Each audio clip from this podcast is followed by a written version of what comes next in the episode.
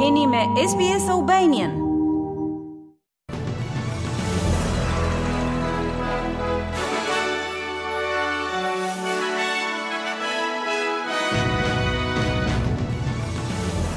Në buletinin e sotëm informativ do të ndiqni. Qeveria federale ka vendosur të ndryshojë Aktin e Punës së Barabartë për ta bërë barazinë e pagave një qëllim specifik. Një autokolonë diplomatike australiane është sulmuar në Bagdad. Dhe në sport, Nina Kennedy nga Australia Perëndimore ka arritur një vend të dytë në kërcimin me shkop për femra në takimin e Diamond League në Zvicër. Dhe vazhdojmë gjerësisht me lajmet. Kompanitë australiane janë forcuar pasi raportuan fitime më të larta gjatë vitit të kaluar financiar, pavarësisht valës së fundit të COVID-19, ndërprerjeve në zinxhirin e furnizimit dhe rritjes së çmimeve të mallrave. Megjithatë, rruga përpara nuk duket dhe aq e qetë.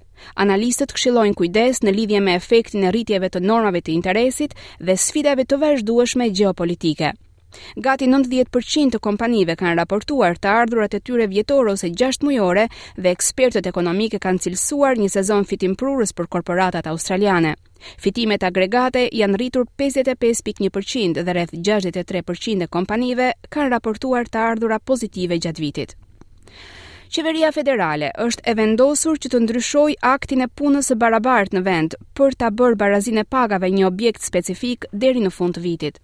Reforma legjislative do të bëjë të lehtësojë rritjen e pagave në industritë me pagë të ulët të dominuar nga gratë, siç janë sektorët e kujdesit për të moshuarit dhe edukimit të fëmijërisë së hershme, dhe do t'i detyrojë punëdhënësit të jenë më të hapur me punëmarrësit në lidhje me barazinë gjinore në pagesa. Ministri i Punësimit dhe Marrëdhënieve në vendin e punës, Tony Burke, tha për kanalin Nine News Today se ndryshimet do të garantojnë që Komisioni i Punës së Barabartë të marrë parasysh hendekun e pagave midis burrave dhe grave kur bën ligje për normat e pagesave. At the moment in a lot of jobs, there could be contracts where you're not allowed to tell your other workers what you're earning. And it's a really common ploy where in workplaces where women are being paid less than men. Për momentin, në shumë vende pune mund të ketë kontrata që nuk ju lejohet t'ju tregoni punëtorëve të tjerë se çfarë fitoni. Kjo është një dredhi vërtet e zakonshme në ato vende pune ku gratë paguhen më pak se burrat. Ne duam t'i heqim qafe këto klauzola, Për momentin, diferenca midis asaj që paguhen burrat dhe gratë në Australi është rreth katërmbëdhjetë për qind, që do të thotë rreth dyqind e pesëdhjetë dollarë në javë më pak për gratë. Dhe nëse vërtet duam të bëjmë reforma në barazi në paga, atëherë mbyllja e këtij hendeku midis burrave dhe grave është vërtet me rëndësi, ka thënë Tony Burke.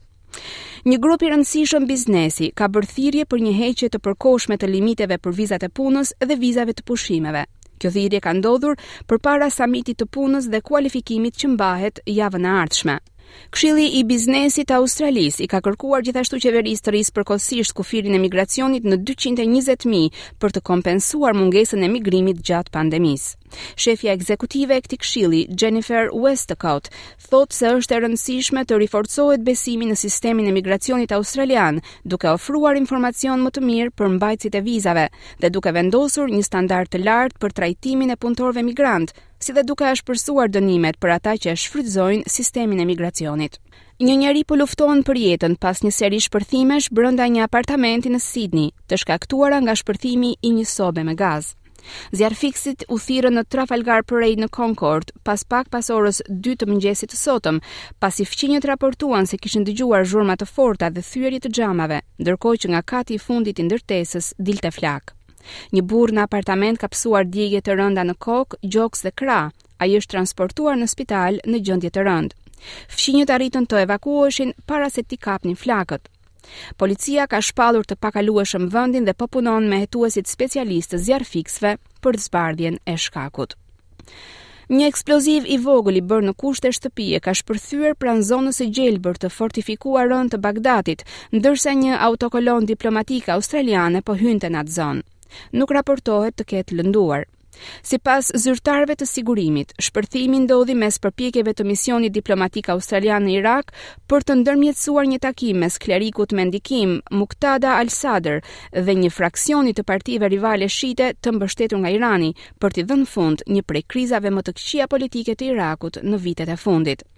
Zëdhënësi i Ministrisë së Jashtme të Irakut, Ahmad al-Sahaf, e dënoi sulmin dhe tha se Iraku ishte i përkushtuar për të mbrojtur të gjitha misionet diplomatike në vend.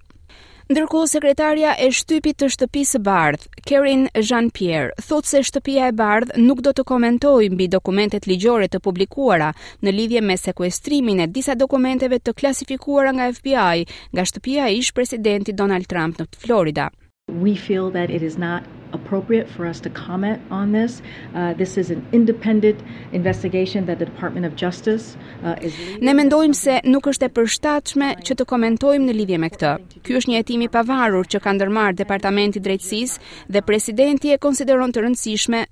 të mos bëjë asnjë koment.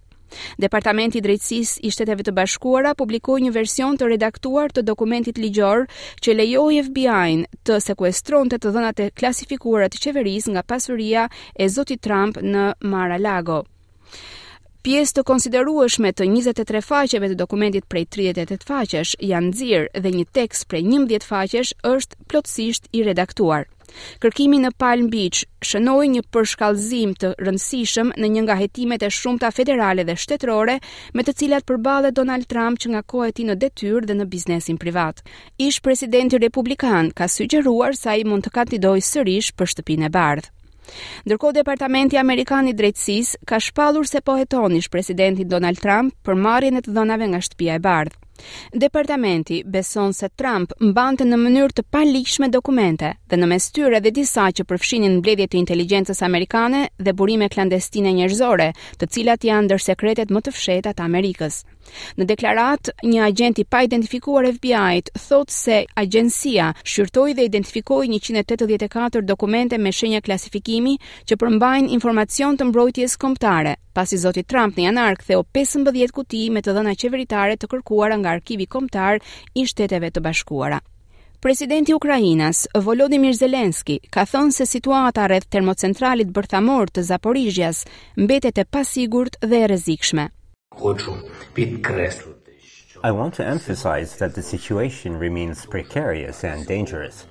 Dua të theksoj se situata mbetet e pasigurt dhe e rrezikshme.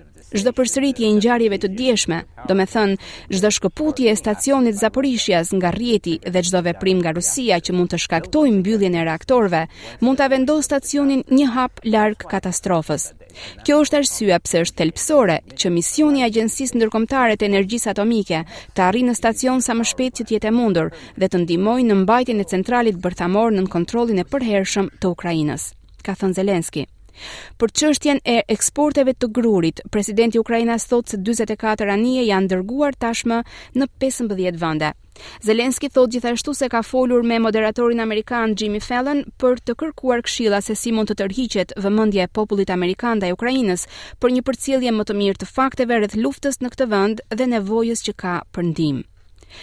Të paktën 16% e fëmijëve të konfirmuar të vrarë në Ukrainë që nga përshkallëzimi i luftës 6 muaj më parë ishin nën moshën 5 vjeç, sipas organizatës Shpëtoni fëmijët.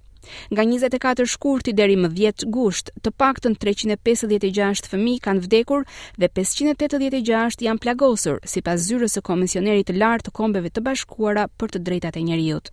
Shumica e viktimave të verifikuara fëmijë ishin për shkak të përdorimit të armëve shpërthyese në zona të banuara dhe urbane. Në qytetin dikur plot jetë të Kharkiv, granatimet dhe bombardimet e pamëshirshme raportohet se kanë dëmtuar më shumë se 600 ndërtesa në muajin e parë të luftës, duke përfshirë çerdhe, shkolla dhe objekte të kujdesit shëndetësor. Në Sloviansk, këtë të premte një shkollë u godit nga një sulm rus.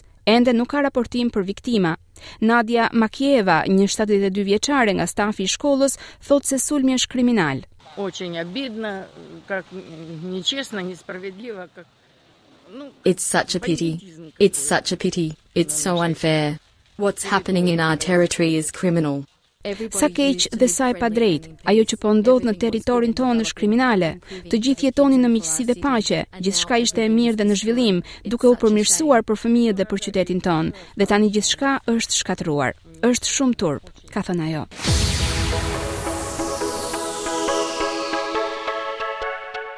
Dhe në sport, medalistja e artë e lojrave të Commonwealth, Nina Kennedy nga Australia Perëndimore, ka arritur vendin e dytë në kërcimin me shkop për femra në takimin e Diamond League në Lozanë. Kanë qenë disa javë të shkëlqyera për Nina Kennedyn, e cila gjithashtu doli e treta në kampionatin botëror dhe ishte dominuese në lojërat e Commonwealth në Birmingham.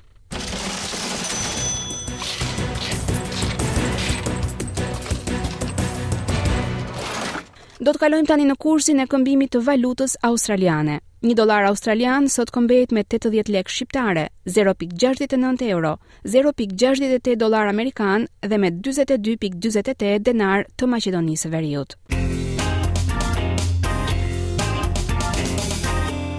Vazhdojmë me parashikimin e motit për ditën e sotme dhe të nesërme. Sot nëpër qytetet australiane janë regjistruar këto temperatura. Sydney 11-19, Melburni shtatë, nëntëmbëdhjetë, Brisban dhjetë, njëzet e dy, Përth njëmbëdhjetë, tetëmbëdhjetë, Adelaide dhjetë, nëntëmbëdhjetë, Kambera tre, gjashtëmbëdhjetë, Hobart shtatë, pesëmbëdhjetë dhe Darwin nëntëmbëdhjetë dhe tridhjetë e tre gradë Celsius.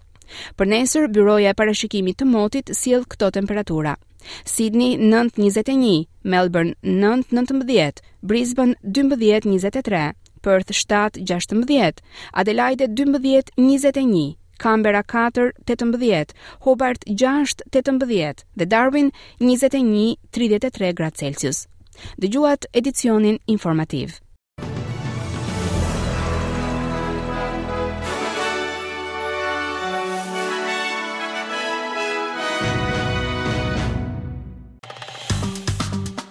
A ju pëlqeu ky reportazh?